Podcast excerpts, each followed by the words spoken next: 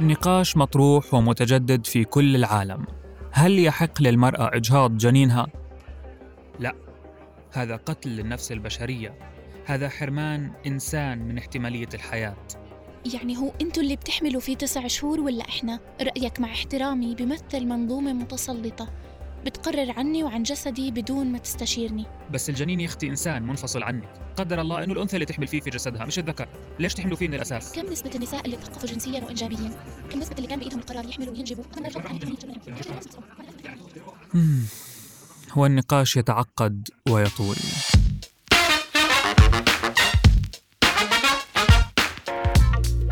هذا بودكاست المستجد الموسم الثالث. أنا محمود الخواجة. في هذا الموسم رح نحكي عن مواضيع متنوعة. سمعناها بالأخبار وحابين نعرف عنها أكثر. Resulta aprobado con 38 في أواخر 2020 بعد 12 ساعة من النقاش صوت مجلس الشيوخ الأرجنتيني بالأكثرية على إعطاء المرأة حق الإجهاض حتى الأسبوع الرابع عشر من الحمل يعني تقريبا للشهر الثالث. كان يوم تاريخي. بعد نضال نسوي مجتمعي في الأرجنتين بدأ في عقد الثمانينات من القرن الماضي.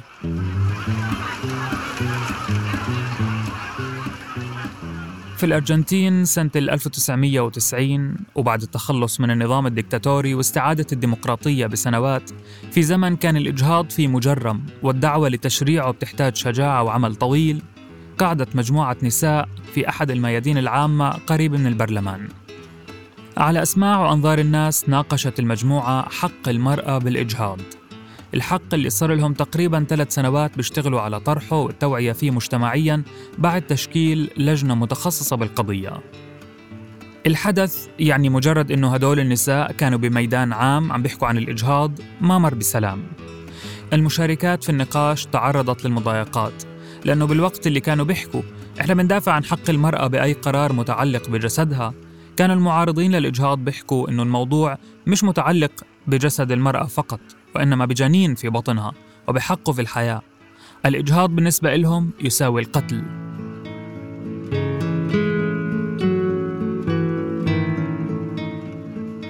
المدافعات عن الحق في الإجهاض قررت تحشد أكثر لخدمة القضية. تحالفت مع ناشطات من أنحاء أمريكا اللاتينية والكاريبي وفي نفس السنة صدرت وثيقة موقعة من 200 ناشطة. بتأكد على مطالبهم بضمان الحق بالإجهاض الآمن ووسائل منع الحمل. الشعار اللي حملوه كان وسائل منع الحمل لوقف الإجهاض وإجهاض قانوني لوقف الموت. الشعار نفسه اللي هتفوا فيه وغنوه لسنين وسنين.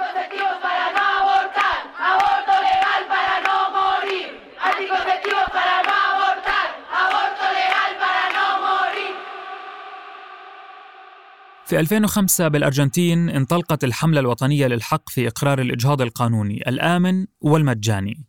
طلعت المتظاهرات والمتظاهرين في الشوارع للمطالبة بهذا الحق واختاروا الوشاح الأخضر كرمز لنضالهم. صحيح أنه من هداك الوقت ما قدروا يحولوا مطلبهم لقانون مصادق عليه إلا في أواخر 2020 إلا أنهم حولوا إلغاء تجريم الإجهاض من موضوع محرم لقضية أساسية على المستوى الشعبي والرسمي. في آذار مارس شهر المرأة سنة 2018 بعد تقديم قانون إلغاء تجريم الإجهاض للبرلمان طلعت مليون متظاهرة ومتظاهر في أنحاء الأرجنتين خصوصا في قلب العاصمة بوينوس آيرس للمطالبة بإقرار القانون إضافة لمطالب أخرى منها وقف عنف الشرطة ووقف التمييز والعنصرية ضد الأقليات. وهذا ببين لأي مدى صار تشريع الإجهاض قضية ذات أولوية إلى جانب القضايا السياسية والوطنية المحورية.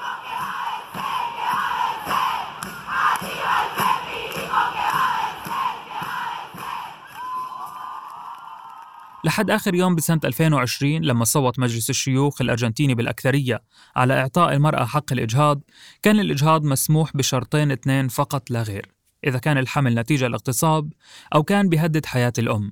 في الحالات الثانية ممكن الأم تواجه المحاكمة هي وكل مين ساعدها على الإجهاض. النساء خاضت كل هذا النضال من الثمانينات لليوم لأنه كل سنة بصير ما يقارب نص مليون عملية إجهاض سرية بالأرجنتين. والأرقام مش واضحة كتير بسبب صعوبة عمل إحصاءات دقيقة في موضوع زي هيك.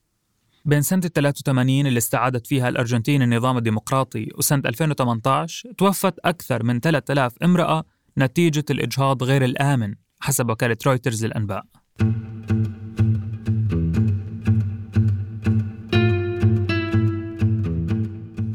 طوال السنين الماضية مؤيدات ومؤيدي الإجهاض كانوا بواجهوا عدة أمور.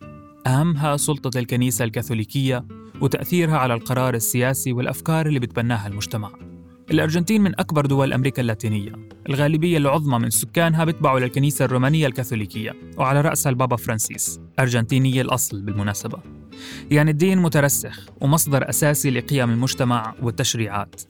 عشان هيك ما كانش غريب تطلع المظاهرات المؤكدة على تجريم الإجهاض في كل مرة انطرحت فيها القضية على الطاولة. الكنيسة بآخر مرة دعت المشرعين لتحكيم ضمائرهم قبل التصويت على تشريع الإجهاض. المتظاهرات والمتظاهرين لبسوا الأوشحة الزرقاء اللي بترمز لعلم الأرجنتين. حملوا مجسمات لأجنة ورفعوا شعار دفاعاً عن حياة الاثنين. هيك صار الوشاح الأزرق في شوارع الأرجنتين بمواجهة الوشاح الأخضر. طالبوا وما زالوا بيطالبوا بحماية حياة الأم وطفلها على حد سواء. في مظاهراتهم اللي بتحمل طابع ديني بيأكدوا دائما إنه إحنا بندافع عن الحياة. إحنا بنحب أولادنا. الإجهاض يساوي القتل.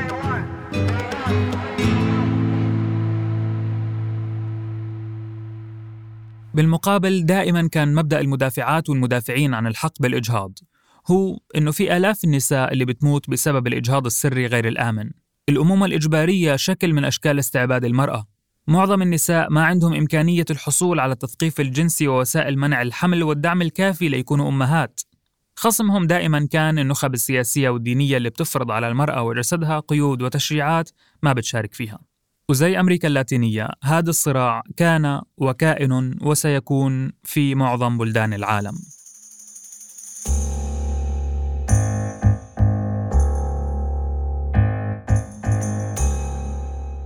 في آخر 200 سنة القضية كانت تطرح وتغيب تطرح وتغيب.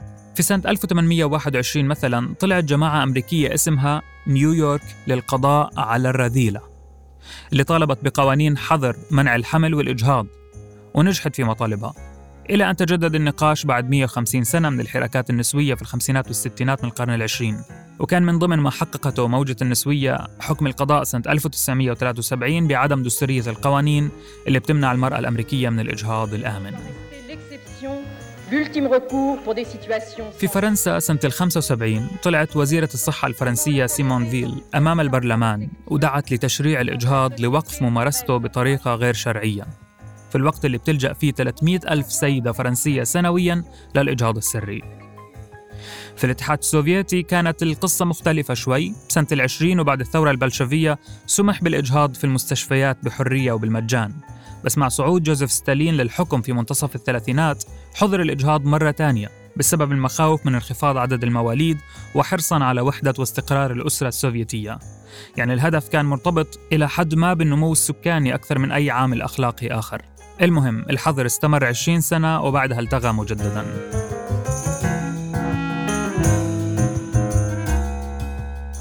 هاي الإجراءات رغم حصولها في وقت مبكر ببعض الدول إلا أنها تأخرت كتير في دول أوروبية تانية.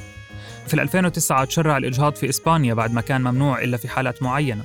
في 2018 إيرلندا عملت نفس الإشي. كوريا الجنوبية على وشك. فكيف تبدو الصورة في المنطقة العربية؟